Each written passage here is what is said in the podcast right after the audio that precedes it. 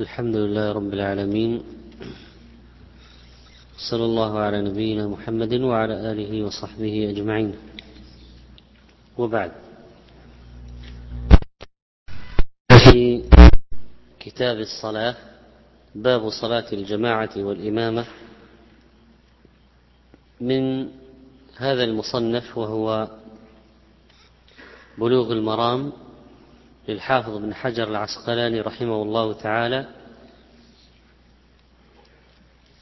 روى أبو هريرة رضي الله عنه قال قال رسول الله صلى الله عليه وسلم إنما جعل الإمام ليؤتم به فإذا كبر فكبروا ولا تكبروا حتى يكبر وإذا ركع فاركعوا ولا تركعوا حتى يركع وإذا قال سمع الله لمن حمده فقولوا اللهم ربنا لك الحمد وإذا سجد فاسجدوا ولا تسجدوا حتى يسجد وإذا صلى قائما فصلوا قياما وإذا صلى قاعدا فصلوا قعودا أجمعين.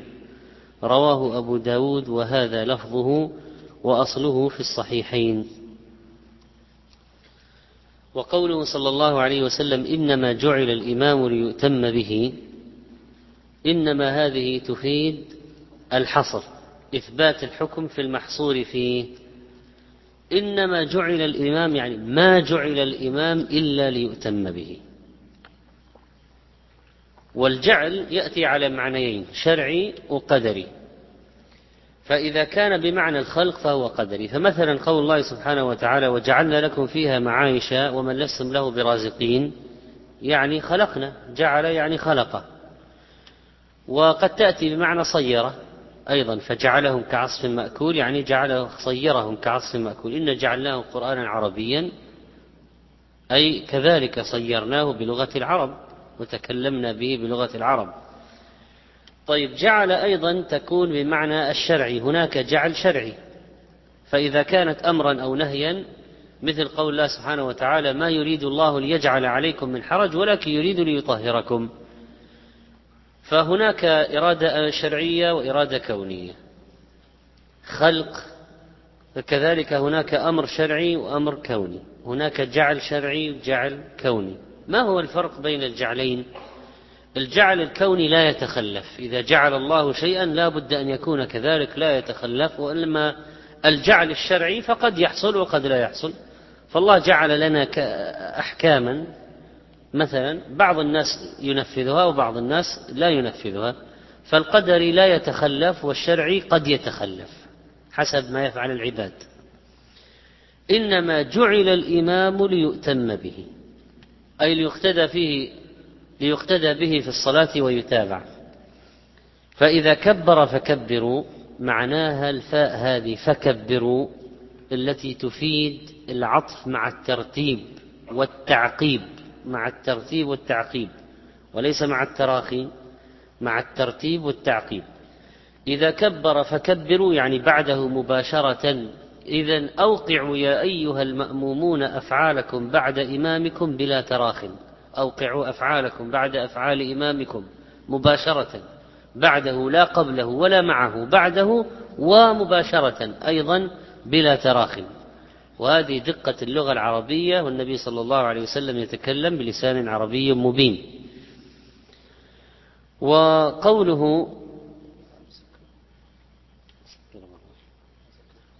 وقول وقوله ولا تكبروا حتى يكبر لا تكبروا حتى يكبر معناها أنكم لا تقولوا الله أكبر ولا تأتوا بالحركة حتى يكبر إمامكم. وإذا قال سمع الله لمن حمد فقولوا اللهم ربنا لك الحمد. فقولوا اللهم ربنا لك الحمد. ربنا لك الحمد في رواية ربنا ولك الحمد كلاهما صحيح وثبتت الرواية بهما والوجهان جائزان بغير ترجيح كما قال النووي. لا يرجح أحدهما مع الآخر. فإذا السنة أن تقول مرة تقول ربنا لك الحمد مرة تقول ربنا ولك الحمد. حتى أيضا ليست بهذه أكثر من هذه ولا هذه أكثر من هذه. لأن السنن أحيانا تأتي على وجهين أو أكثر لكن أحدها أو أحدهما أرجح أو أكثر من الآخر. مثلا بعد الصلاة سبحان الله والحمد لله والله أكبر. وردت رواية في الأعداد. ثلاثة وثلاثين وخمسة وعشرين وعشر لكن أكثر ما كان يفعله عليه الصلاة والسلام ثلاثة وثلاثين. وأحيانا تأتي السنن على وجوه متساوية ما في ترجيح بحيث أنك إذا أردت أن تعمل بهذا مرة وبهذا مرة يكاد العمل أن يكون متساوي. فهذا كذلك. اللهم ربنا لك الحمد أو ربنا ولك الحمد وفي هذا الحديث وجوب متابعة الإمام وأنه القدوة في تنقلات الصلاة وعدم جواز الاختلاف عليه وأن الحركات تكون بعده مباشرة وأن مسابقة الإمام حرام لأن قوله لأن قوله ولا تكبروا حتى يكبر ولا تركعوا حتى يركع هذا نهي يفيد التحريم والمشروع في حق الإمام والمنفرد قول سمع الله لمن حمد عند الرفع من الركوع ولكن هل يشرع في حق المأموم أم لا؟ هذه المسألة اختلف فيها أهل العلم. وسيأتوا فيها. والمأموم المأموم حالته تنقسم مع إمامه في الحركة إلى أربع حالات. أولا أن يسبقه وهذا حرام إذا كان متعمدا. هل يبطل الصلاة أم لا يبطل الصلاة على القول الراجح؟ إذا تعمد أن يسبق الإمام تعمد يبطل الصلاة على القول الراجح والنهي يقتضي الفساد وهذه قاعدة الإمام أحمد رحمه الله. ولو أن إنسانا كبر الإحرام قبل إمامه بطلت الصلاة. صلاته لا تنعقد. لا تنعقد صلاته. حتى لو كان بغير عمد.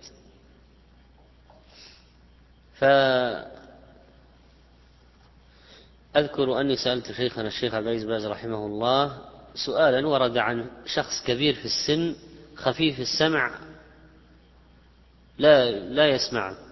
لا يكاد يسمع. فالإمام قال استووا. استووا. فظن هذا الشايب أن الإمام قال الله أكبر فكبر. ثم كبر الإمام وصلى كل الصلاة. فقال الشيخ يعيد الصلاة. صلاته لم تنعقد. بالذات في تكبيرة الإحرام إذا كبر قبل إمامه صلاته لا تنعقد. لكن إذا سبق في بقية الأركان بغير عمد لا تبطل الصلاة. بعمد تبطل الصلاة على الراجح. الحالة الثانية أن يوافق الصلاة أن يوافق المأموم الإمام في أقواله وتنقلاته. فهذا مكروه وذهب بعض أهل العلم إلى تحريمه ولا يبطل الصلاة إلا في تكبيرة الإحرام. قالوا إذا كبر معه في ذات الوقت لم تنعقد صلاته أيضا. والثالث أن يتخلف عنه والتخلف كالسبق في أحكامه وهذه يقع فيها عدد من الناس يتخلف عن الإمام. فالإمام يسجد وصاحبنا يسجد إذا رفع الإمام صاحبنا لا يرفع. يريد أن يدعو ويتخلف للدعاء. والإمام يكاد يسجد السجدة الثانية يكاد وذاك لم يرفع بعد. والإمام قام لقراءة القرآن قام إلى الركعة الثانية وصاحبنا ساجد يريد أن يدعو. هذا اسم التخلف يتخلف عن الإمام ولا يتابعه مباشرة كما جاء في السنة. والرابع هو المتابعة فإذا السبق والموافقة والتخلف والمتابعة. أربعة. السبق والموافقة والتخلف والمتابعة. أربعة. وهذه المتابعة في أقواله وأفعاله هي التي جاء عليها الحديث ورتب فعل الإمام بعد المأموم بالفاء المفيدة للترتيب والتعقيب. ومن شأن التابع أن لا يسابق المتبوع ولا يوافقه إذا وافق ما صار إمام مأموم ما صار مؤتما به ما صار تابعا له صار مثله وافقه يمشي معه مثله. فما صار في إمام ولا مأموم إذا صار يمشي معه. وإذا سبق أيضا ما في ائتمام أين الائتمام وإذا تخلف عنه أيضا لا يصير مهتما به. كأن كل واحد يصلي وحده. والإمام الراتب إذا صلى قاعدا لعذر فإن من تمام الاقتداء والمتابعة أن يصلي المأمومون قعودا معه ولو كانوا غير مرضى ولا بهم عذر في أرجلهم ولا شيء. فيقعدون معه. والحديث يدل على أن المأموم إذا كان يرى مشروعية جلسة الاستراحة مطلقا والإمام لا يراها فهل يتابعه أم لا؟ الآن جلسة الاستراحة بعض العلماء يقول إنها سنة مطلقا. وبعض العلماء يقول إنها سنة عند الحاجة. إنها للحاجة. إذا كبر في السن ثقل طيب فإذا كان واحد يرى جلسة الاستراحة سنة مطلقا يعني في كل الحالات بعد الركعة الأولى وبعد الركعة الثالثة يستوي قاعدا ثم يقوم. هذه جلسة خفيفة. اسمها جلسة استراحة ليس فيها ذكر. جلسة خفيفة. ليس فيها ذكر ولا دعاء. بعد السجدة الثانية من الركعة الأولى يجلس جلسة خفيفة ثم يقوم. بعد السجدة الثانية من الركعة الثالثة يجلس جلسة خفيفة ثم يقوم. هذه جلسة الاستراحة. بعض العلماء قالوا سنة بعضهم قال ليس بسن قالوا ليست بسنة بعضهم قال عند العجز فقط أو عند الحاجة عند الحاجة كبر السن الثقل عند الحاجة. الآن لو واحد يرى جلسة استراحة سنة يراها سنة مطلقا فماذا سيفعل مع إمامه؟ إذا كان الإمام لا يراها سنة والإمام لا يقعدها ولا يجلس الاستراحة. لو أن المأموم جلس جلسة الاستراحة على ما يرجحه المأموم ويذهب إليه أو يقلد فيه ألا يكون قد تخلف عن الإمام؟ الإمام ما يجلس جلسة الاستراحة. والمأموم جلس جلسة الاستراحة ماذا يعتبر؟ قد تخلف. فيرى شيخ الإسلام ابن تيمية أنه لا لا يجلس جلسة الاستراحة في هذه الحالة. الإمام إذا كان لا يجلس أنت لا تجلس حتى لو كنت ترى بمشروعيتها لأن المتابعة أوجب من جلوسك للاستراحة. أولى. والعكس لو كان الإمام يرى جلسة الاستراحة والمأموم لا يرى أنها تفعل فماذا يفعل المأموم؟ يجلسها أم لا؟ ها يجلسها حفاظا على المتابعة وهكذا. الحديث يدل على أن المأموم يجلس إذا صلى الإمام جالسا لكن أي إمام وفي أي حالة. ذهب الإمام أحمد رحمه الله إلى أنه لا تصح إمامة العاجز عن القيام إلا بمثله. واحد عاجز عن القيام. لا يصلي إمام إلا بناس عاجزين. لكن الإمام الراتب المعتاد الإمام المعتاد للمسجد إذا عجز عن القيام لعلة طارئة يرجى زوالها. سقط. سقط. والآن رجله في الجبس. عنده عكاز مؤقت. ريثما تزول العلة. وهو إمام راتب. هو المعين للمسجد. هو الراتب. فهذا الرجل سيصلي قاعدا لحاله. فإذا يصلي من وراءه جلوسا ولو كانوا قادرين على القيام. ولو كانوا قادرين على القيام. لكن لو كان الإمام غير راتب لا يجوز أن يصلي إماما لو كان الشخص ليس بإمام راتب وهو مشلول يصلي قاعد يصلي على كرسي العلة دائمة مثلا أو ليس إماما راتبا لا يجوز أن يصلي إماما إلا بمن هم مثله.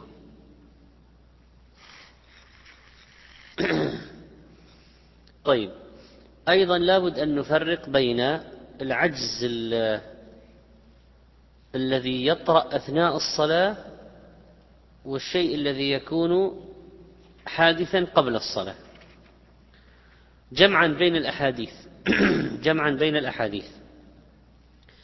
فإذا حصل العجز أثناء الصلاة يعني الإمام قام فجأة فصار في شد في الظهر أو في الرجل ما استطاع أن يبقى قائما. أصابته علة أثناء الصلاة فقعد. المأمومون يبقون على قيامهم يبقون على قيامهم ويواصلون الصلاة قياما وهو قاعد يصلي بهم. لكن لو كانت العلة موجودة فيه قبل الصلاة وهو إمام راتب والعلة يرجى زوالها ليست دائمة كالشلل مثلا. عافانا الله وإياكم. فهنا في هذه الحالة يصلون وراءه قعودا. إذا طرأت العلة أثناء الصلاة بقوا على قيامهم. يصلون قائمين. إذا دخل الصلاة وفيه علة يرجى زوالها وهو الراتب صلوا وراءه قعودا. جمعا بين الأحاديث. التي وردت في هذا. ومذهب جمهور العلماء أن الإمام القائم القاعد لا يصلي بالقائمين مطلقا. وهذا التفصيل الذي ذهب إليه الإمام أحمد رحمه الله جمعا بين الأحاديث. وكذلك فإن هذا الحديث حجة في أن المأموم لا يجمع بين التسميع والتحميد عند الرفع من الركوع كما هو مذهب الحنفية والحنابلة بخلاف الشافعية فإنهم يرون الجمع بينهما. لما في صحيح مسلم أنه صلى الله عليه وسلم كان إذا رفع قال سمع الله لمن حمده اللهم ربنا ولك الحمد. وقال صلوا كما رأيتموني أصلي. فإذا المسألة هي من الذي يقول سمع الله لمن حمده؟ الإمام والمنفرد. والمأموم ماذا يقول؟ ربنا ولك الحمد. طيب هل المأموم يقول سمع الله لمن حمده ربنا ولك الحمد؟ هل يجمع بينهما المأموم؟ هذه هذا هو الخلاف. فبعض العلماء قال لا يجمع المأموم بينهما الذي يشرع له ربنا ولك الحمد أو ربنا لك الحمد فقط. أما الإمام والمنفرد يجمع بينهما. سمع الله من حمده ربنا ولك الحمد الشافعية قالوا حتى المأموم لا حرج لا بأس أن يجمع بينهما وذهبوا إلى العموم. والمسألة واسعة على أي حال. يعني المأموم حتى لو ما قال سمع الله لمن حمده صلاته صحيحة. وكذلك لو قال سمع الله لمن حمده لكن ربنا ولك الحمد لا بد أن يأتي بها. والإمام أيضا يقول ربنا ولك الحمد يجم أيضا سمع الله لمن حمده ربنا لك لا يمنع. لكن سمع الله لمن حمده متى يكون محلها؟ عند رفع الرأس من الركوع. ربنا ولك الحمد أو لك الحمد. متى يكون موضعها؟ بعد الاعتدال من الركوع. التكبير ما هو موضعه؟ مرافق للحركة. إذا شرع في الحركة كبر. ليس إذا انتهى من الحركة ولا قبل أن يبدأ الحركة مع الحركة. لحديث أبي هريرة. كان يكبر حين يركع يكبر حين يسجد يكبر حين يرفع. إلا تكبيرة الإحرام ورد فيها روايات أن التكبير يسبقها يسبق الحركة أو مع الحركة أو بعد الحركة. هذا تكبيرة الإحرام بالذات ورد فيها روايات بقية الحركات في الصلاة الأشهر في الروايات أن التكبير يرافق الحركة. طيب. كل ما جاء من الدعاء بصيغة الخبر مثل سمع الله لمن حمده صلى الله على محمد رضي الله عنه ونحو ذلك غفر الله له هذا ليس آه، صيغة صيغة خبر. ما, ما, ما قلت اللهم اسمع قلت سمع الله ما قلت اللهم اغفر قلت غفر الله له. ما قلت اللهم ارضى عنه هذه صيغة دعاء. قلت رضي الله عنه. هذا الخبر معناه دعاء. هو صحيح الصيغة صيغة خبر لكن المقصود ما هو؟ الدعاء. يعني اللهم ارضى اللهم اغفر اللهم اسمع. لكن جاءت بصيغة الخبر جاء الخبر بصيغة الدعاء تفاؤلا بحصول المقصود. يعني سمع الله من حمده جاء بصيغة الخبر سمع خلاص سمع. تفاؤلا بحصول ذلك من الله تعالى. غفر الله له جاء بصيغة رضي الله عنه بصيغة الخبر والمقصود التفاؤل وحسن الظن بالله في الاستجابة حسن الظن بالله في الاستجابة. فعبر باللفظ الماضي كأنه وقع واستجيب كأنه وقع واستجيب. تفاؤلا وحسن ظن بالله تعالى. وكذلك فإن هذا الحديث يؤخذ منه بالفهم أيضا إذا سلم فسلموا. فيستحب المتابعة والاقتداء في كل الحركات وليس فقط في التي نص عليها في الحديث ليس فقط في الركوع والسجود والرفع حتى في التسليم.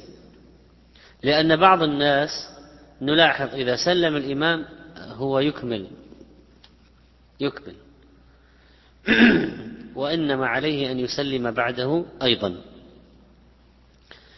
الآن حديث لا الحديث إنما جعل الإمام ليؤتم به وفي لفظ فلا تختلفوا عليه لا تختلفوا عليه. لو وسعنا المسألة ونظرنا لقضية الائتمام في أشياء أكثر مما ورد في الحديث مثلا ائتمام واحد يصلي الظهر بواحد يصلي العصر واحد يصلي المغرب بواحد يصلي العشاء. ائتمام مفترض بمتنفل متنفل بمفترض مسافر بمقيم مقيم بمسافر. وسعنا المسألة وأردنا أن ننظر ماذا سيحدث عند هذا. هل يجوز هذا أم لا؟ بعض العلماء فهم أنه لا يجوز. إذا اختلفت نية الإمام عن المأموم لا يجوز الاقتداء. ظهر وراء عصر لا يجوز مفترض وراء مسافر لا يجوز متنفل وراء مفترض مفترض وراء متنفل لا يجوز. لكن الراجح والله أعلم أن الدليل إذا ورد على شيء بصحته سنأخذ به جمعا بين الأدلة ولو خالف هذا العام. ولو خالف هذا العام فعندنا عام لا تختلف عليه. وصحيح صحيح لا تختلف عليه يعني في كل شيء لا تختلف عليه. هذا الأصل. لكن إذا ورد أن معاذ كان يصلي إماما وهو صلاة نافلة ومن وراءه يصلون فرضا مع اختلاف النية ورد في السنة فماذا سنقول؟ بجواز الصلاة. لا, لا شك. جمعا بين الأدلة. فإذا يمكن أن يصلي شخص خلف شخص يخالفه في النية وبعض الأفعال للعذر. للعذر. مثال. إمام يصلي آه، إمام متنفل يصلي بواحد مفترض. دخل شخص المسجد ما صلى قام واحد يتصدق عليه. ليكون جماعة. فالشخص الداخل قال للآخر صلي أنت إماما أنت أقرأ مني صلي أنت إماما. مع أنك صليت الفرض لكن صلي أنت بي إماما. يجوز. والعكس يجوز أيضا من باب أولى. الإمام رتبته أعلى فإذا كان يصلي الفريضة وراءه واحد يتصدق عليه يصلي نافلة يجوز أيضا.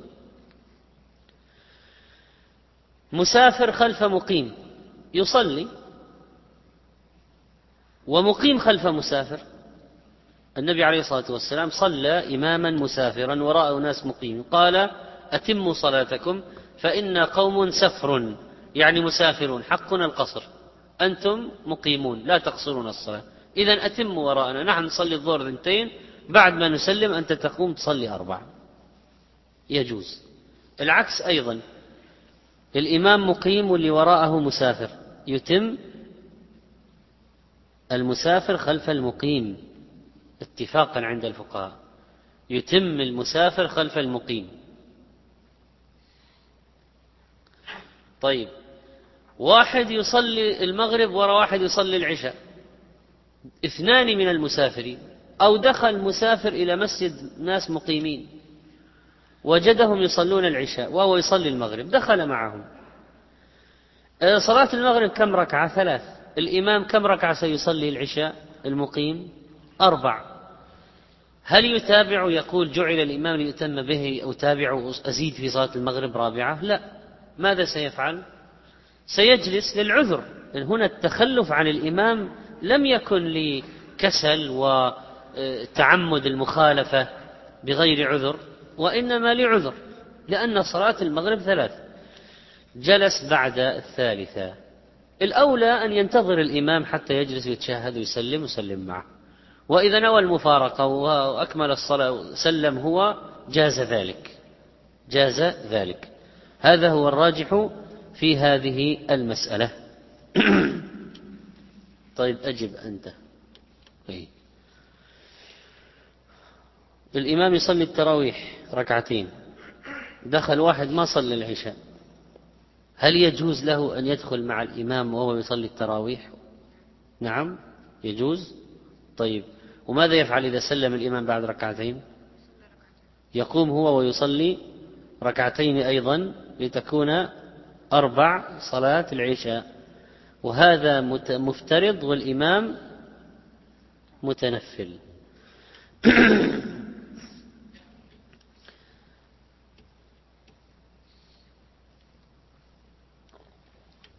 طيب. الحديث الذي يليه حديث أبي سعيد الخدري رضي الله عنه أن رسول الله صلى الله عليه وسلم رأى في أصحابه تاخرا فقال تقدموا فأتموا بي وليأتم بكم من بعدكم رواه مسلم. وتمامها عند مسلم الرواية لا يزال قوم يتأخرون حتى يؤخرهم الله. رأى في أصحابه تأخرا ما معنى رأى في أصحابه تأخرا؟ يعني تخلفا وبعدا في صفوف الصلاة. فقال تقدموا إذا السنة الاقتراب من الإمام اقتراب من الإمام والدنو منه في الصلاة ليكونوا أسمع لما يقول وأقرب لما يفعل ويكون الاقتداء أتم وأكمل ويشاهدوه عن قرب وأيضا تكون الصفوف أكثر في المسجد. فيستحب الدنو من الإمام وكل ما كان الإنسان أقرب من الإمام كان أفضل وأوائل الصفوف خير من أواخرها بالنسبة للرجال. والإسلام دين الانضباط والنظام وصلاة الجماعة من أدلة ذلك. قال تقدموا فأتموا بي وليأتم بكم من بعدكم. وليأتم بكم من بعدكم. إذا الذين بعدكم ممن لا يستطيعون رؤية الإمام أو سماع الإمام سيأتمون بمن؟ بالصفوف التي أمامهم. أفرض المساجد من قديم ما فيها مكبرات صوت ولا ما في ما في كهرباء. ما اختراع هذا حديث.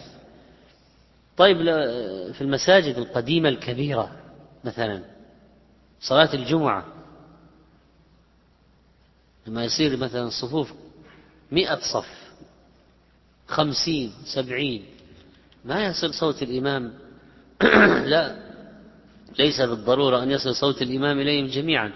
إذا الناس اللي وراء الذين لا يسمعون هؤلاء كيف سيأتمون بالإمام وهم لا يسمعون صوته؟ نقول يرون الصفوف التي أمامهم والصفوف التي أمامهم ترى الصفوف التي أمامها وهكذا. ليأتم بكم من بعدكم. إذا المأموم المأمومون الذين لا يرون الإمام ولا يسمعون يقتدون بمن أمامهم من المأمومين المتقدمين. ولذلك لذلك الإمام يليه أولو الأحلام والنهى أهل العلم أهل الفضل العقلاء ثم العقلاء وهكذا. ومسألة رؤية الإمام هل هي شرط في الاقتداء؟ يتبين لنا أنه ليس بشرط. ليس بشرط أن يتم أن يكون هناك رؤية للإمام. ليس بشرط. هب أن المسجد امتلأ بالناس والناس صاروا في الخارج. لا يرون الإمام لكن يرون الصفوف التي تقتدي بالإمام. إذن يصح الاقتداء. وبناء عليه. لو كان المسجد امتلأ وأغلقت الأبواب والناس يصلون في الخارج ولا يسمعون الصوت ولا يرون الصفوف لا يصح الاقتداء. ولذلك مهم إذا ما كان في صوت انقطع المكبر لابد تبقى أبواب المسجد مفتوحة. حتى يتم للخارج لمن في خارج المسجد يستطيعون الائتمام ويرون الصفوف التي أمامهم. فإذا أغلقت أبواب المسجد بعد امتلائه وما في صوت في الخارج المكبرات الخارجية ما اشتغلت صار فيها علة لا يصح الائتمام لأنه لا يسمع الإمام ولا يرى الصفوف التي تتابع الإمام. فكيف يصح الاقتداء؟ يبطل الاقتداء. خلاص. يبطل لا يجوز لهم أن يقتدوا به لأنهم لا يسمعونه ولا يرون من يسمعه. ولا يرون من يسمعه. فهذه المهم مسألة لفت النظر إلى بقية إلى إلى قضية بقاء أبواب المساجد مفتوحة عند وجود صفوف في الخارج لا يسمعون. لا يسمعون. وقال بعض العلماء لا يصح الائتمام إذا كان بين الإمام والمأموم طريق أو نهر جار. طريق يمر فيها الدواب والناس أو نهر جاري فيه تباعد حتى لو سمع التكبير. وقال بعضهم لا دليل على ذلك ما دام يسمعونه يجوز الائتمام.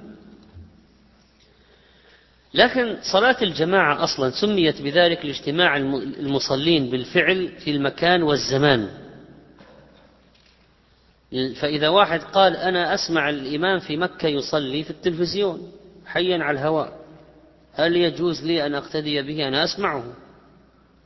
لماذا لا أقتدي به؟ يصلي وراء الإمام ويصلي في مكة. ومعه أنا في الوقت أقتدي به. نقول لا يجوز. لماذا؟ لأن ليست صلاة جماعة.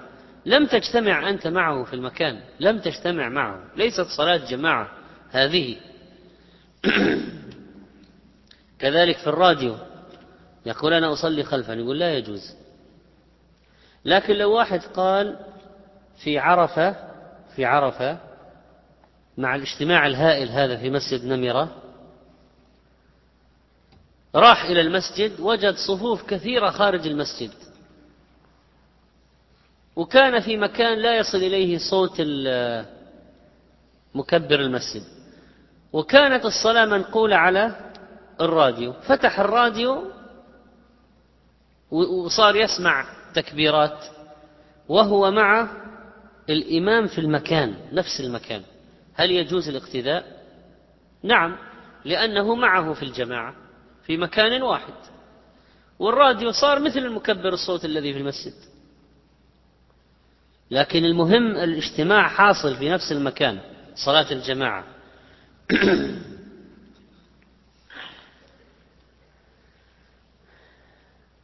طيب.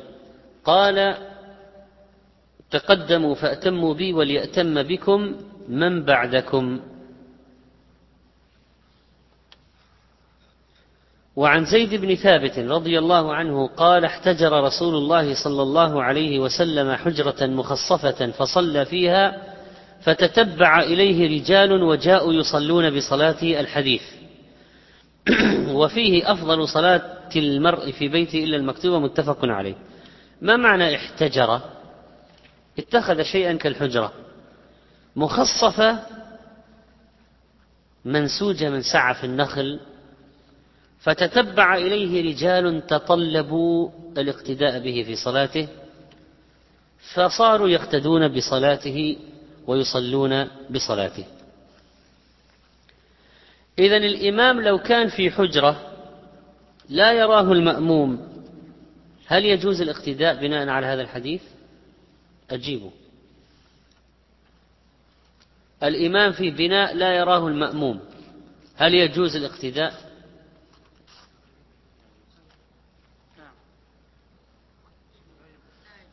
كله غلط إن قلت لا غلط إن قلت نعم غلط. لابد تفصل. تقول إن كان يسمع صوته أو يرى من يقتدي به يجوز وإلا فلا يجوز. هذا الكلام الذي تقدم. فهؤلاء الذين يصلون بصلاته وهو في الحجرة يسمعون صوته أو يرون من يراه أو يقتدون بمن يسمع صوته. إذا لا يشترط رؤية الإمام.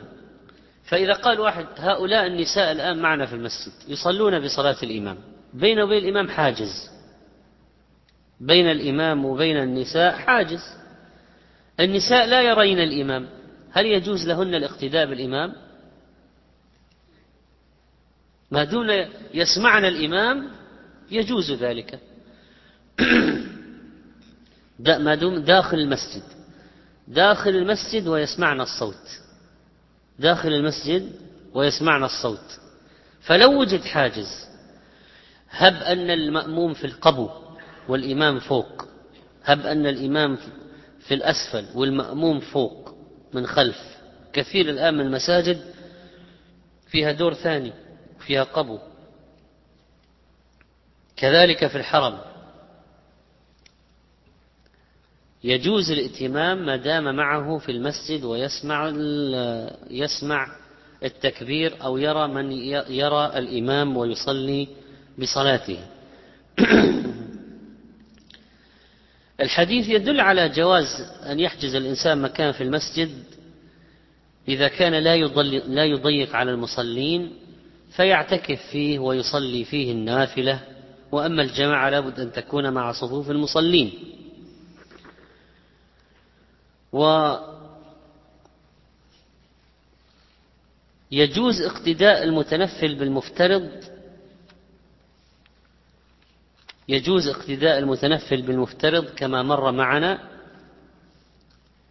والحائل بين الإمام والمأمومين لا يمنع من صحة الصلاة.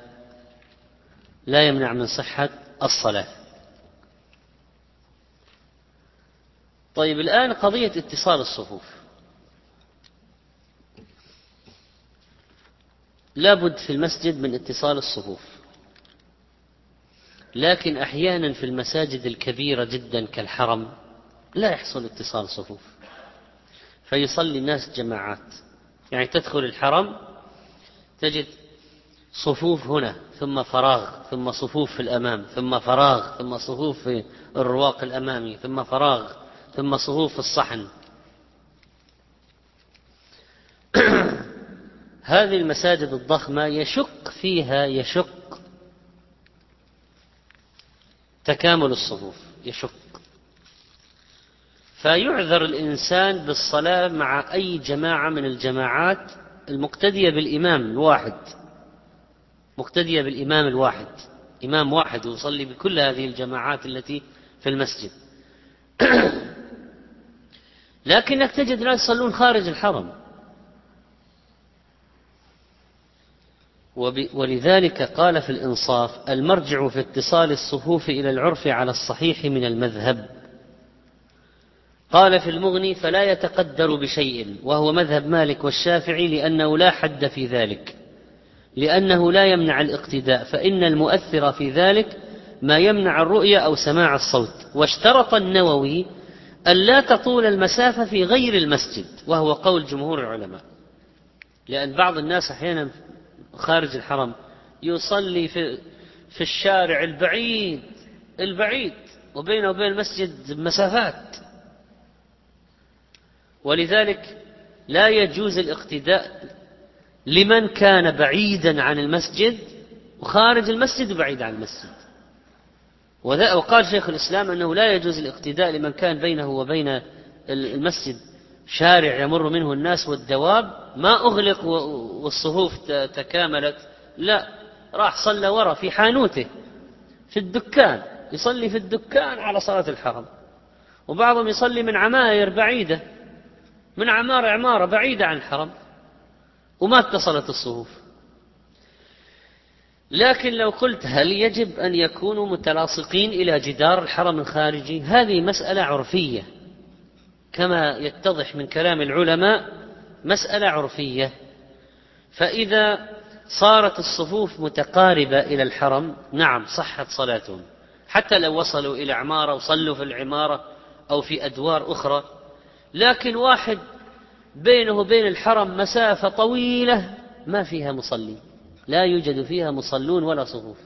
راح يصلي وراء جاء إلى الحرم بعضهم يأتي إلى الحرم مثلا والإمام ركع.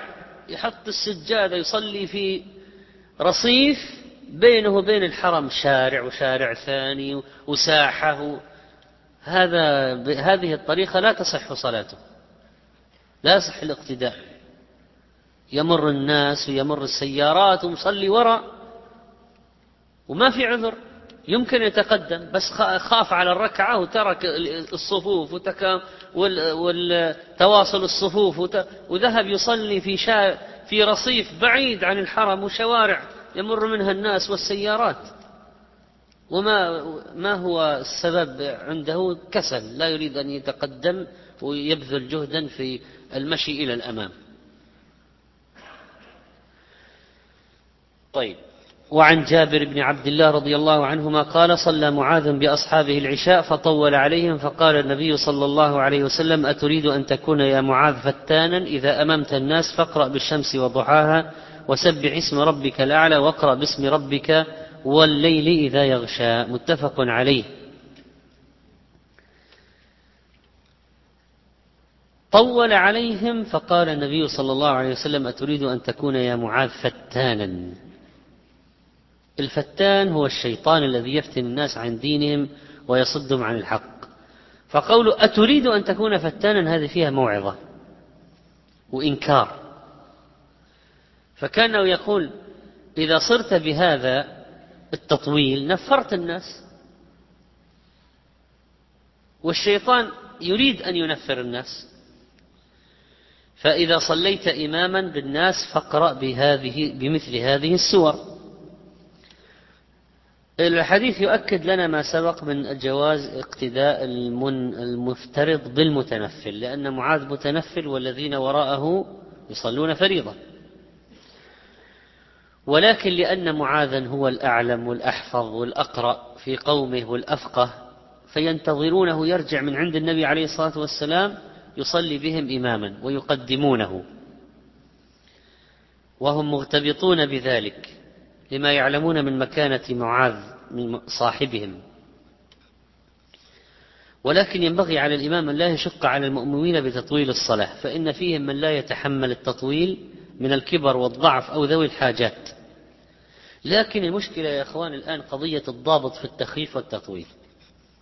الآن ممكن يأتي واحد ويقرأ يعني سبح باسم ربك الأعلى ويجي واحد يقول طولت. قل والله أحد يكفي. ليش تطول علينا؟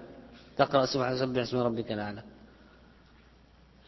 فإذا ما الذي يضبط لنا القضية؟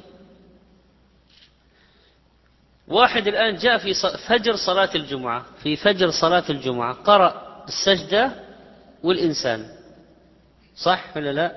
هذه السنة في فجر صلاة الجمعة. جاء واحد قال طولت علينا الفجر السجدة. والإنسان في في صلاة الفجر طولت علينا أنت منفر. فتان أنت فتان. منفر.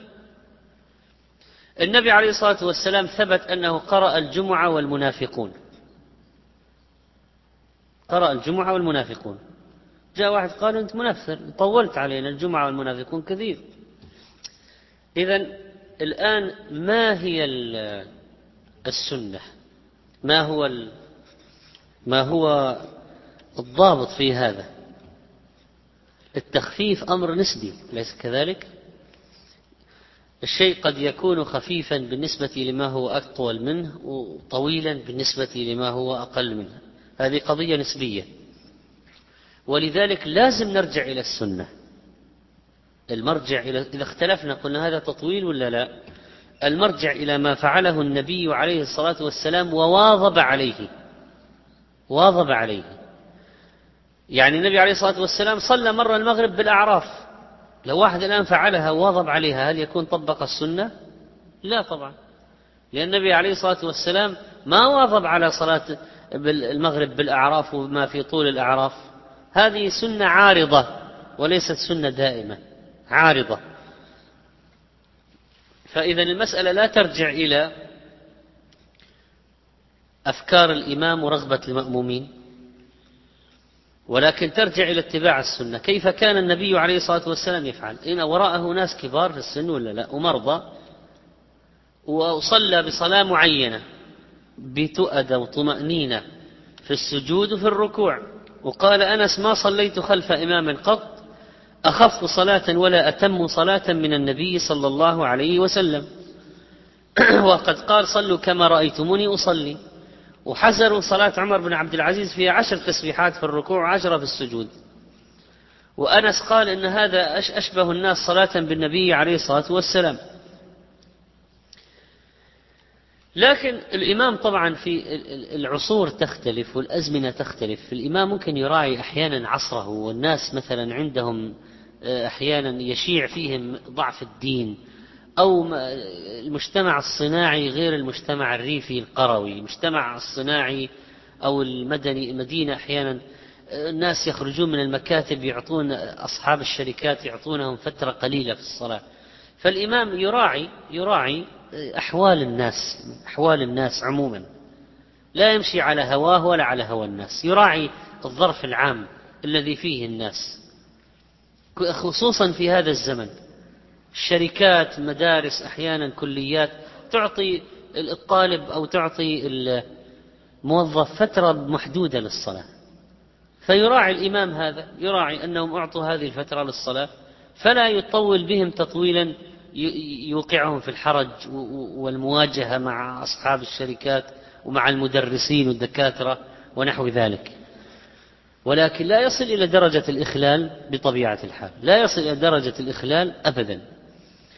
والحديث يدل على أن هناك قد تحدث فتنة حتى في أعمال الخير إذا خرج الأمر عن حده وأن إضجار الناس والإثقال عليهم إضجار الناس والإثقال عليهم يسبب تراخيهم وتأخرهم وانفلاتهم وتركهم لأعمال الخير. وأيضا نقول لا يجوز أن تكون القضية اتباع هوى لا من الإمام ولا من المأمومين. وعن عائشة رضي الله عنها في قصة صلاة رسول الله صلى الله عليه وسلم بالناس وهو مريض قالت فجاء حتى جلس عن يسار أبي بكر فكان يصلي بالناس جالسا وأبو بكر قائما يقتدي أبو بكر بصلاة النبي صلى الله عليه وسلم ويقتدي الناس بصلاة أبي بكر متفق عليه. لما مرض النبي عليه الصلاة والسلام وكل بالإمامة من؟ أبا بكر الصديق يصلي إماما. مرة من المرات النبي عليه الصلاة والسلام أحس بنشاط وهو مريض وأبو بكر هو الإمام. فتوضأ وخرج إلى الناس حتى كادوا يفتنون وهم في صلاتهم. فجلس عن يسار أبي بكر. جلس عن يسار أبي بكر. الموضع الذي جلس فيه عن النبي عليه الصلاة والسلام هذا موضع الإمام ولا المأموم؟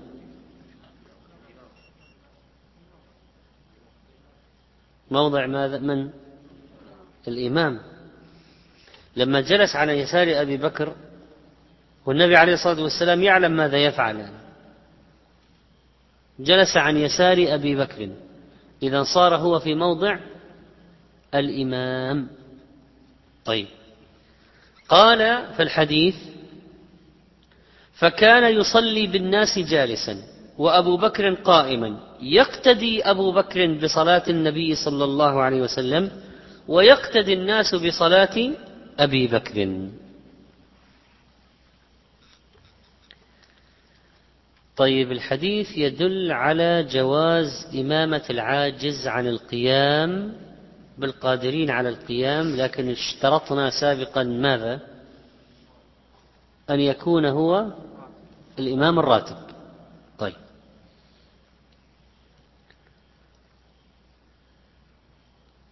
الناس يصلون قياما أم قعودا الآن؟ في هذه الحالة. يصلون قياما. يقتدون أبي بكر وأبو بكر يقتدي بالنبي عليه الصلاة والسلام. و أبو بكر يبلغهم التكبير. في رواية مسلم أن أبا بكر كان يسمعهم التكبير. فإذا هذا دليل على جواز اتخاذ المبلغ. لكن هذا المبلغ عند الحاجة. يعني لو وجد مكبر صوت يغني عن المبلغ ليس من السنة اتخاذ مبلغ.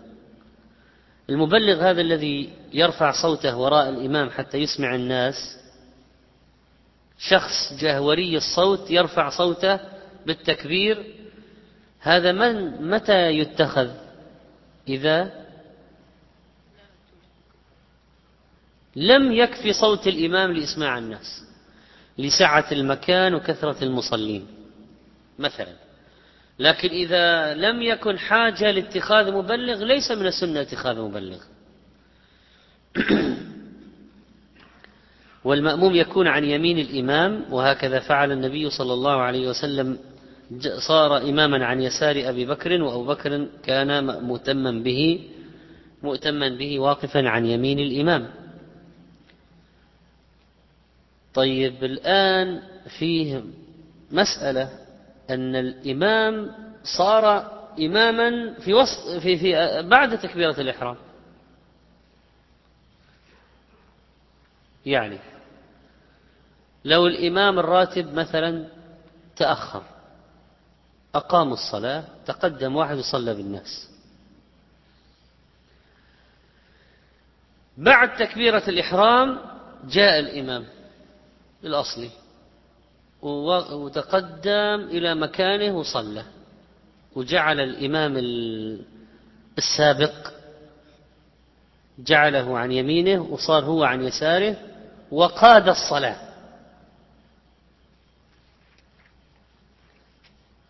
متى نوى هذا الرجل الإمامة؟ بعد انعقاد الصلاة أو قبلها؟ ها. بعد انعقاد الصلاة صار إماما. إذا الحديث يدل على جواز نية الإمامة في الصلاة ولو في أثنائها. مثال آخر. الإمام أثناء الصلاة انتقض وضوءه خرج من الصلاة سحب واحد. المسحوب هذا كان مأموما. لما سحب إلى الأمام ماذا صار؟ إماما. متى صار إماما؟ أثناء الصلاة. إذا الحديث يدل على جواز أن ينوي الإنسان الإمامة أثناء الصلاة. مثل هذه الحالات. مثل هذه الحالات.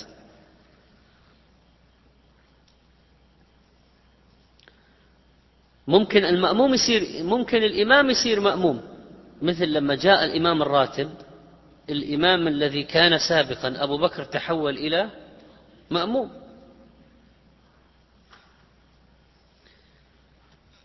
لكن اختلف العلماء هل أبو بكر بعد ما جاء النبي صلى الله عليه وسلم استمر إماما أم صار مأموما؟ والراجح أنه صار مأموما لا إماما لأمور كثيرة منها قول عائشة يقتدي أبو بكر بصلاة النبي صلى الله عليه وسلم. وأبو بكر لا يمكن يبقى إماما مع وجود النبي عليه الصلاة والسلام وهو يعلم منزلة النبي عليه الصلاة والسلام. ومكانه عن يمين الإمام والنبي عليه الصلاة والسلام عن يسار أبي بكر. وهذا مجلس الإمام وهذا مجلس المأموم. وعن أبي هريرة رضي الله عنه أن النبي صلى الله عليه وسلم قال إذا اما أحدكم الناس فليخفف فإن فيهم الصغير والكبير والضعيف وذا الحاجة فإذا صلى وحده فليصلي كيف شاء. متفق عليه.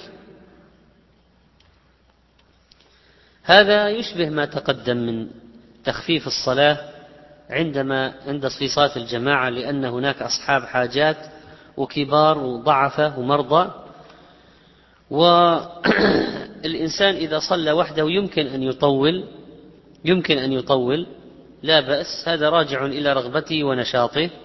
والمأموم يراعي الإمام يراعي المأمومين يراعي المأمومين ويخفف الصلاة بهم إلا إذا آثروا التطويل. افترض أن مجموعة من الشباب كانوا في موضع فيهم واحد صوته حسن كلهم شباب أقوياء طلاب جامعة. مسجد كله طلاب جامعة مثلا. وليس هناك وقت دوام أو اختبارات أو نعم. يعني الإمام حكيم يعني مثلا في أيام الاختبارات يخفف الصلاة أكثر من غيرها مثلا. يراعي أحوال الناس. فكلهم شباب أقوياء. مسجد في جامعة. جامعة شباب كلهم ما في ف وهو وصوته حسن والجميع يرغبون في تطويل صلاته. شباب خرجوا في رحلة. كلهم شباب متدينين يحبون التطويل وإمامهم صوته حسن يحبذون ويتمنون أن يطيل بهم. فطول بهم تطويلا أكثر مما لو كان إماما في مسجد في البلد. يعني هو إمام في البلد يصلي بهم سبح والغاشية واقرأ باسم ربك الذي خلق ونحوها من السور. لما خرج هذا الشاب الإمام مع أصحابه الشباب خرج في رحلة وهم يريدون يحبذون ويتمنون تطويله فقرأ بهم قراءة طويلة. قرأ سورة يوسف مثلا سورة الإسراء. فهل عليه بأس من ذلك؟ الجواب لا لأن انتفت الفتنة وانتفت ما في لا اللي وراء أقوياء يرغبون في تطويله فلا بأس إذن بأن يفعل ذلك. لا حرج. أن يفعل ذلك.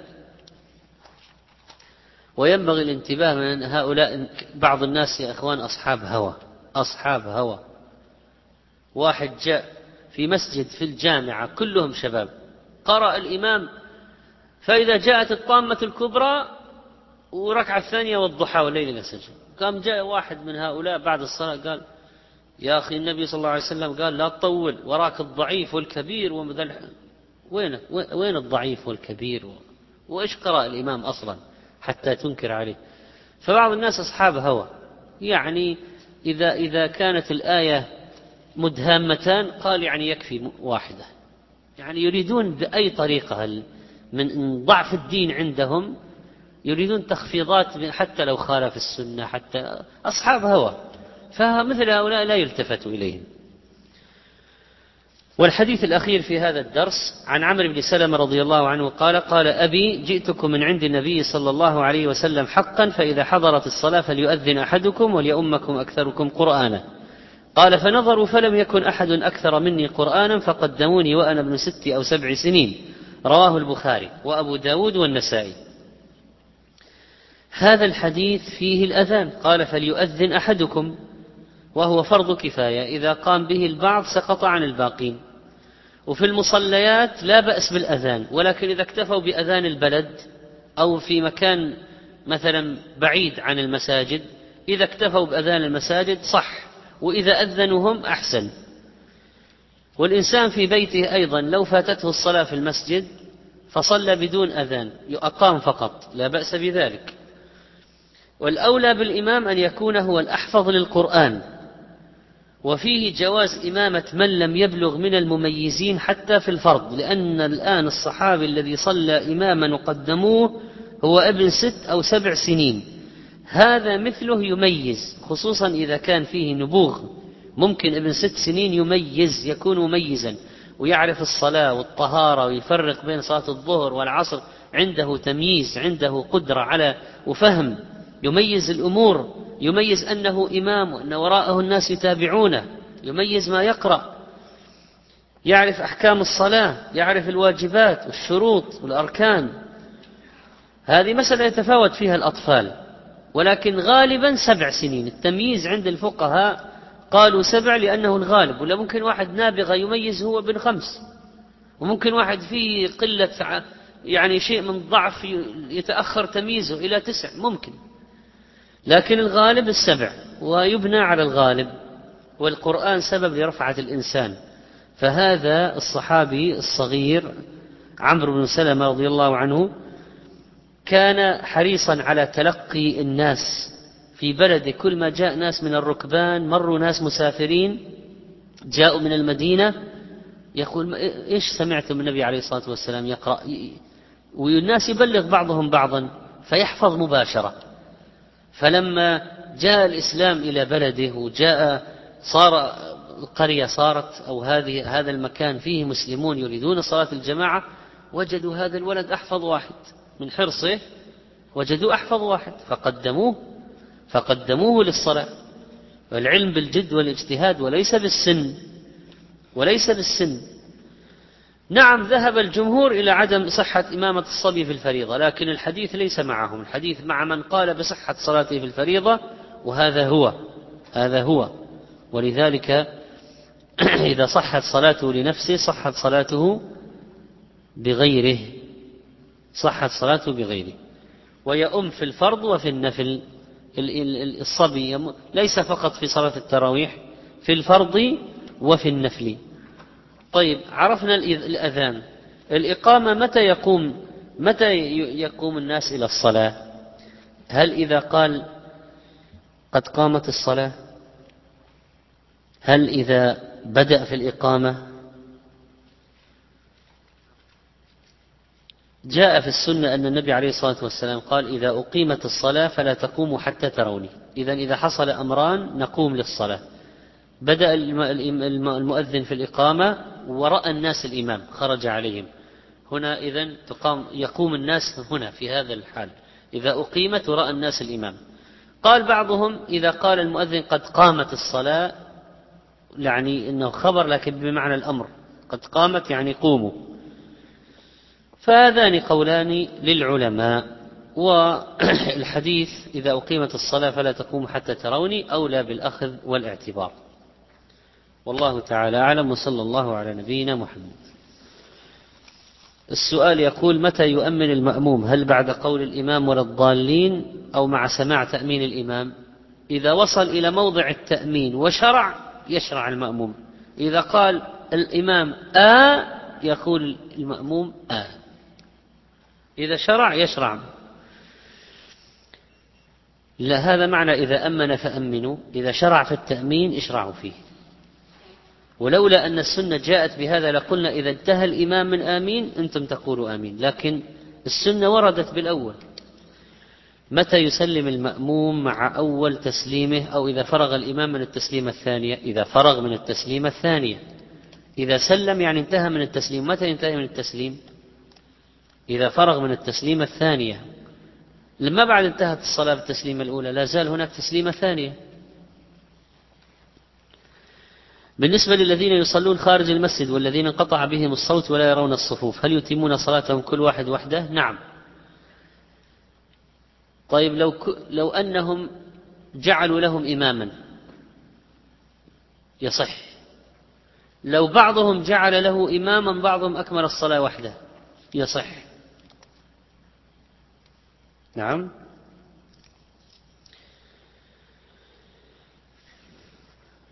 إذا انقطع مكبر الصوت فجأة الناس برا انقطع مكبر الصوت.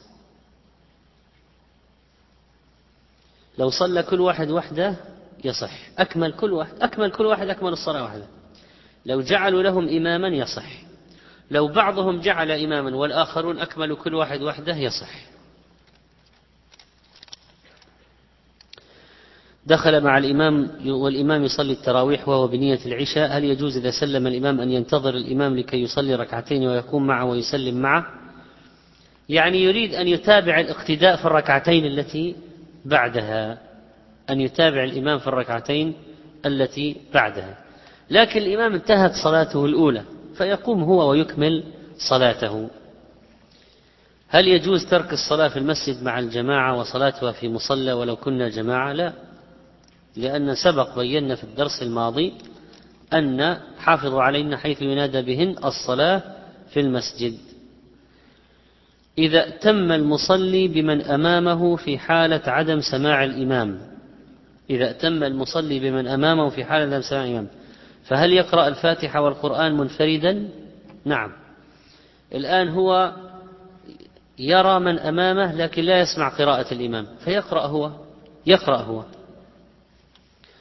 إذا كان النساء في مكان بعيد وانقطعت الكهرباء أثناء الصلاة كيف يتصرفن؟ كل واحدة تكمل الصلاة وحدها. مسجد لا يوجد به مصلى نساء وعائلة تريد الصلاة قبل فوات الوقت فهل تصلي على الرصيف المجاور المسجد وتأتم بالإمام أو تصلي منفردة؟ إذا اتصلت الصفوف امتلأ المسجد صلوا وراء صلت هي خلفهم. ولكن إذا كان المسجد لم يمتلئ ولم تتصل الصفوف لا تصلي خارج المسجد وإنما مع الإمام وإنما تصلي منفردة.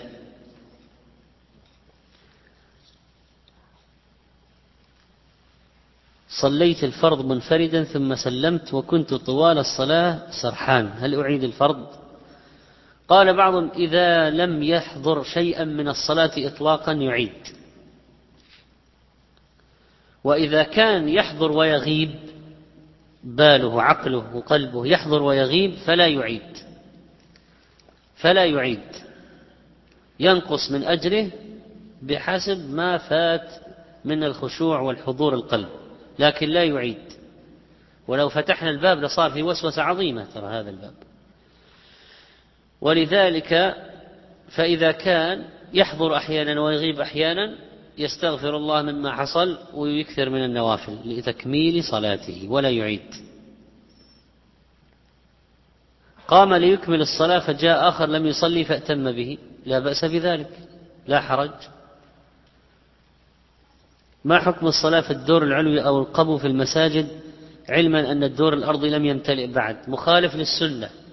السنة الصف الأول فالأول وإتمام الصفوف.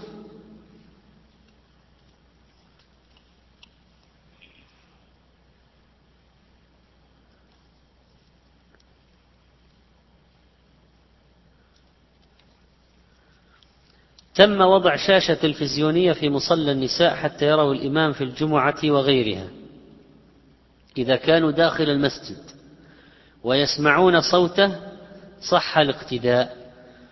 ولا ينبغي وضع أشياء تشوش على المصلين أو تشغلهم عن الصلاة. إذا كان هناك شخص يكبر بصوت مرتفع لأن الإمام صوته ضعيف هل يجب علي متابعة الإمام إذا كنت أسمع صوته أم أتابع المردد؟ تابع الإمام إذا كنت تسمع صوت الأصل تتابع الأصل. ولذلك الآن هذا اللي أحيانا بعض الذين يبلغون في الحرم تجد يمط التسليم مط الصوت يمد. وأنت سمعت سلم الإمام سلمت معه. أنت ممكن إذا سلمت بعد الإمام مباشرة تقول أستغفر الله أستغفر الله أستغفر الله من السلام؟ وذاك لا زال في تسليمته الثانية. ما انتهى نعم. لا هذا بالنسبة لك هذا هو الذي تفعله؟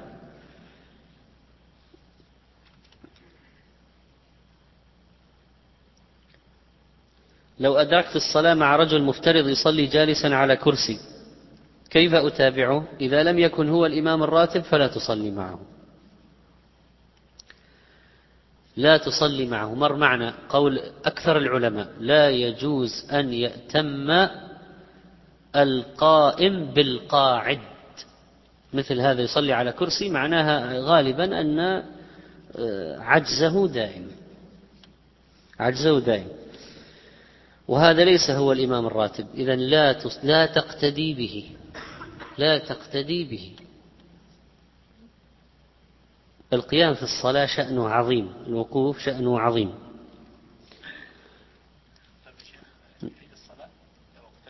إي نعم. نعم. هل على المرأة إقامة إذا صلت منفردة؟ لا بأس أن تقيم الصلاة. لكن المرأة لا تؤذن وتقيم الصلاة. ولو ما أقامت صلاتها صحيحة. إذا دخل المسجد وجد الإمام في الجلسة الأخيرة هل يصلي مع الإمام أو ينتظر ويصلي في جماعة أخرى؟ ذهب شيخ الإسلام تيمية رحمه الله إلى أن هذه مسائل الاجتهاد. هذه مسائل الاجتهاد. إذا قدر أن هناك ناس سيأتون وعدد فيهم أصحاب فضل أو طلبة علم انتظر وصلى معهم. وإن خشي أن لا يأتي أحد فيصلي يلحق التشهد الأخير. عموم الحديث يقتضي الانضمام مع الإمام في المكان الذي وجدت الإمام وصل إليه حتى لو كان التشهد الأخير.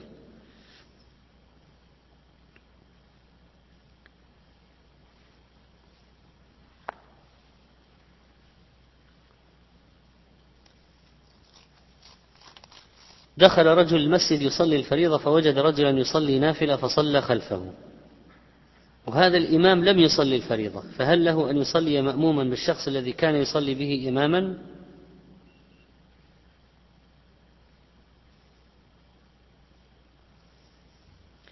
يعني واحد مثلا بعد صلاة الفجر دخل المسجد. وجد واحد يصلي ركعتين قائم يصلي فظنه يصلي فريضة فدخل معه بنية فرض. صلى معه انتهت الصلاة. الإمام ماذا يصلي؟ بعد بعد الصلاة تبين أن الإمام يصلي سنة الفجر. قال يا أخي أنت إيش صليت معي؟ قال أنا صليت معك الفريضة. قال يا أخي أنا لا أنا جيت وجدتهم انتهوا وقلت وما صليت سنة الفجر. قلت أصلي سنة الفجر أو أنتظر ناس يأتوا ليصلي معهم الفريضة. فأنا صليت سنة الفجر وأنت صليت معي فريضة الفجر. هل يصح الاقتداء؟ يصح. قال إذا أنا الآن علي الفريضة. سأقوم وأصلي الفريضة. قالوا أنا أتصدق وأنا أصلي معك بنية السنة الفجر التي ما صليتها هل يجوز؟ نعم لا بأس بذلك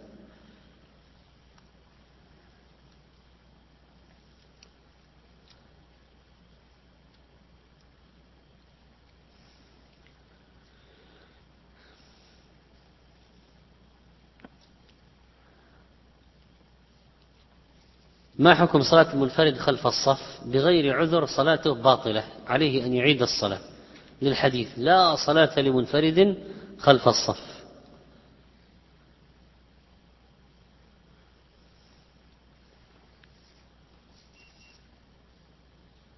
في يوم الجمعة هل من السنة قراءة سورة السجدة بكاملها أم الآية التي فيها سجدة؟ بل السورة بكاملها. في الركعة الأولى في صلاة الفجر يوم الجمعة والركعة الثانية سورة سورة الإنسان بكاملها. وبعض الناس يقسم سورة السجدة قسمين وبعض الناس يقسم سورة الإنسان قسمين في الركعة الأولى والثانية. هذا غلط وليس من السنة في شيء. ليس من السنة. بعضهم يقرأ آيات مختارة من سورة السجدة في الركعة الأولى وآيات مختارة من سورة الإنسان في الركعة الثانية. ليست هذه السنة. يقرأ شيء ثاني أحسن. هو إما أن يأتي بالسنة وإلا يقرأ سور أخرى. أما أن يوهم الناس أو يأتي. يظن أن هذا من السنة أو له علاقة بالسنة لا علاقة له بالسنة إطلاقا. أن يقسم سورة السجدة قسمين أو يقسم سورة الإنسان قسمين أو يقرأ آيات من هذه وآيات من هذه. لا صلاة لجار المسجد إلا في المسجد. ما صحة الحديث؟ ليس بصحيح. فيه سليمان بن داود اليمامي متهم بالكذب. لكن الأحسن أن جار المسجد يصلي في المسجد. حتى لا يجلب لنفسه التهمة أنه تارك مثلا للجماعة. الناس يظنون أن هذا لا يصلي جماعة. يقولون هذا جار جارنا ما يصلي ما نشوفه. ثانيا حتى لا يصير في وحشة بينه وبين الإمام. فالإمام قد يقول هذا ليش ما يصلي ورائي؟ هل يظنني فاسقا؟ هل يظنني لماذا لا يصلي ورائي هذا؟ فحتى لا يصبح وحشة بينه وبين الإمام أو بينه وبين جيرانه أو يتهموه أو يسيء به الظن فيصلي معهم أحسن.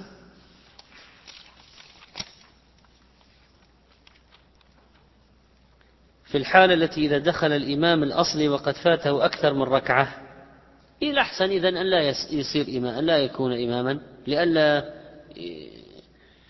يدخل على المأمومين التشويش.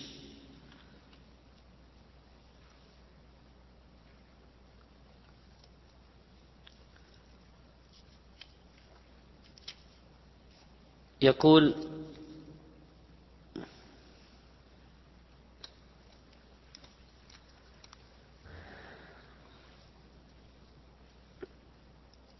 ما هو الضابط في الصلاة في المصلى الشريكة أو في المسجد القريب؟ إذا كان قريبا لا يجوز أن يصلي في المصلى. إذا كان بعيدا كما تقدم ذكر الضابط أمس فيجوز أن يصلي في المصلى. ركعتي الإشراق تصلى بنية الإشراق أو بنية الضحى. اختلف العلماء هل هما صلاتان مختلفتان أم صلاة واحدة؟ فالأرجح والله أعلم أن الإشراق هي صلاة الضحى هي صلاة الضحى. وما يصلى قبل صلاة الجمعة هذا استثناء لصلاة الجمعة من النهي عن الصلاة في وقت الزوال في وقت استواء الشمس في كبد السماء. لأن النهي أوقات النهي المغلظة ثلاثة عند طلوع الشمس وعند غروبها وعند استوائها في وسط السماء. إلا يوم الجمعة يستثنى منه في الوقت هذا الأخير استواء الشمس في كبد السماء فيجوز التنفل فيه. وهذا من خصائص يوم الجمعة. لحديث فصلى ما كتب الله له أن يصلي. جاء وتطهر وبكر وصلى ما كتب الله له أن يصلي حتى دخل الإمام. طيب هذا قد يصلي في استواء الشمس في وسط السماء. نقول نعم هذا استثناء هذا هذا استثناء من الأصل وهو من خصائص يوم الجمعة. إذا صلى متنفل وجاء إنسان ليتم به وقد قرأ الفاتحة ثم قرأ في سورة أخرى هل يجهر بقراءته؟ نعم. إذا أنت تصلي وحدك صلاة نافلة في المسجد تسر أو تجهر؟ تسر. دخل واحد معك في صلاة فجر في صلاة مغرب عشاء يصلي معك تجهر بالقراءة. ترفع صوتك بالقراءة. إذا انضم معك الشخص الآخر ترفع صوتك بالقراءة. محل ما وصلت ترفع صوتك بالقراءة.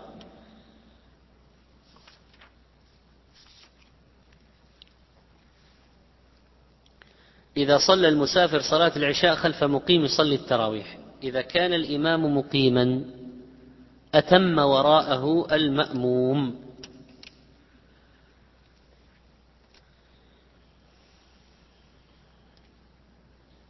هل يشترط لصحة الائتمام أن ينوي الإمام الإمام بمن خلفه؟ نعم يشترط. فلو أن واحدا يصلي في المسجد جو ناس صلوا وراءه وهو لا يشعر بهم واتموا به وهو لا يشعر بهم. بعد ما سلم اكتشف أن هناك أناس يصلون بصلاته وهو لم ينوي الإمامة. فيقول يا جماعة أعيدوا صلاتكم لأنني لأن لم أنوي الإمامة لم أنوي الإمامة و ولذلك أعيدوا صلاتكم.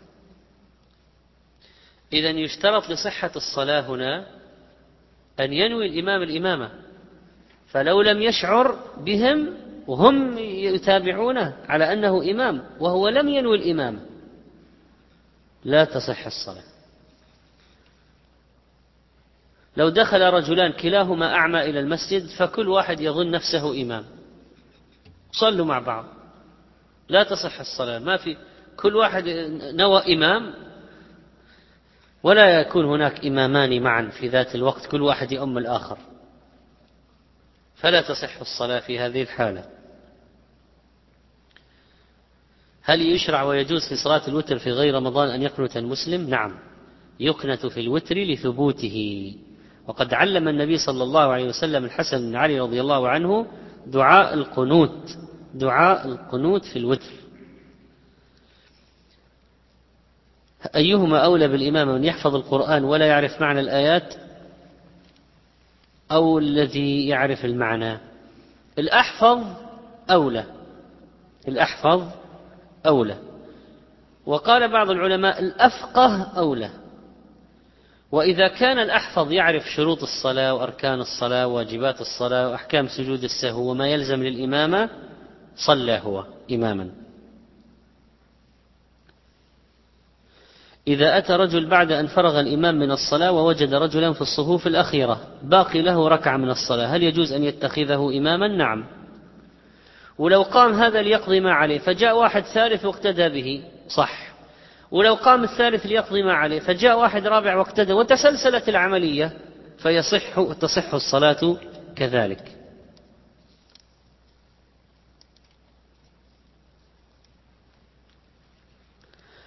هل تقيد الصلاة المستثناة في يوم الجمعة وقت استواء الشمس لمن أن تكون لمن هو داخل المسجد أو تكون عامة في أي مكان؟ بل لمن جاء للجمعة لمن جاء للجمعة. وليس للنساء في البيوت.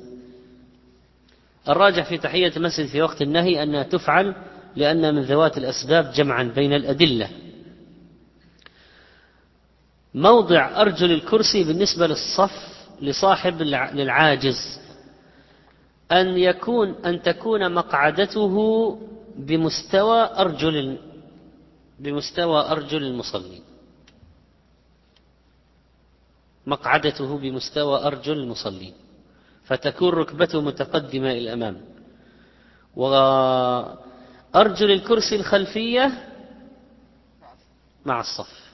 مقعدته مع أرجل المصلين لأن هذا وضعه الآن.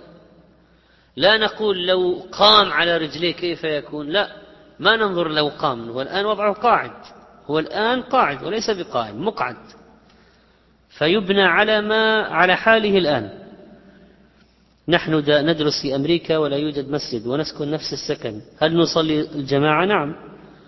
وهو مع الاثنين الجماعة خير وبركة. وقد قال عليه الصلاة والسلام بركة في ثلاث ذكر الجماعة. فيحرص على الجماعة خصوصا للجاليات في الخارج لأنها من وسائل حمايتهم. وربما يكون اجتماعهم سببا لاتخاذ مسجد في المستقبل. يقول نحن ليش ما لنا مسجد؟ نحن جماعة الآن نحن عدد. لماذا لنا؟ لكن لو كل واحد صلى وحده ما يكون عندهم حافز لاتخاذ مسجد أو أو البحث عن مسجد. هل يجوز أن يسلم مسافر مأموم يصلي العشاء ركعتين؟ أدرك صلاة العشاء الإمام المقيم في الركعة الثالثة أن يسلم مع الإمام بركعتين؟ لا. وإنما يكمل وراءه. يعني إذا كان الإمام المقيم صلى ركعتين العشاء وبقي له ركعتين. دخل مسافر من الخارج. هل يقول أكتفي بركعتين اللي أصليهما الآن مع الإمام؟ نقول لا. صلي الصلاة أتم وراءه. هل يحصل أجر الجماعة بالتشهد الأخير فقط؟ اختلف العلماء في هذا فقال بعضهم يحصل. وقال بعضهم لا يحصل فاتته. إذا ما أدرك ركعة لا يحصل له أجر الجماعة. صلاة الجماعة واجبة. كيف تقول الأفضل؟ طبعا صلاة الجماعة في المسجد واجبة ما اختلفنا. والنبي عليه الصلاة والسلام قال إنها أفضل. إذا واحد أتى بالحديث ينكر عليه وألم يقل النبي عليه الصلاة والسلام صلاة الرجل في جماعة تزيد أو أفضل من صلاته في وحده بسبع وعشرين أو خمس وعشرين؟ فهي أفضل ولو هي واجبة ما في مانع. إذا دخلت المسجد والإمام ساجد ماذا أفعل؟ تكبر وتسجد معه. والأفضل أن تكبر تكبيرتين تكبيرة الإحرام وتكبيرة للسجود. من الأولى بالصلاة المقيم أو المسافر؟ الأقرأ لكتاب الله. الأحفظ.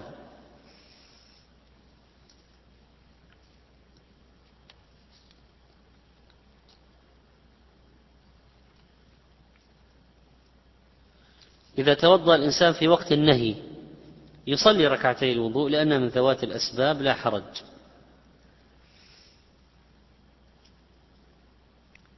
هل يجوز أن يصلي المؤتم عن يسار الإمام في حالة وجود مؤتمين آخرين عن يمينه؟ ولا يوجد مكان آخر للصلاة إلا هذا. إذا كان لم يوجد إلا هذا جاز. فإذا يصلون خلفه إذا امتلأ كل المكان يصلون عن يمينه. إذا امتلأ اليمين كله يصفون عن يساره.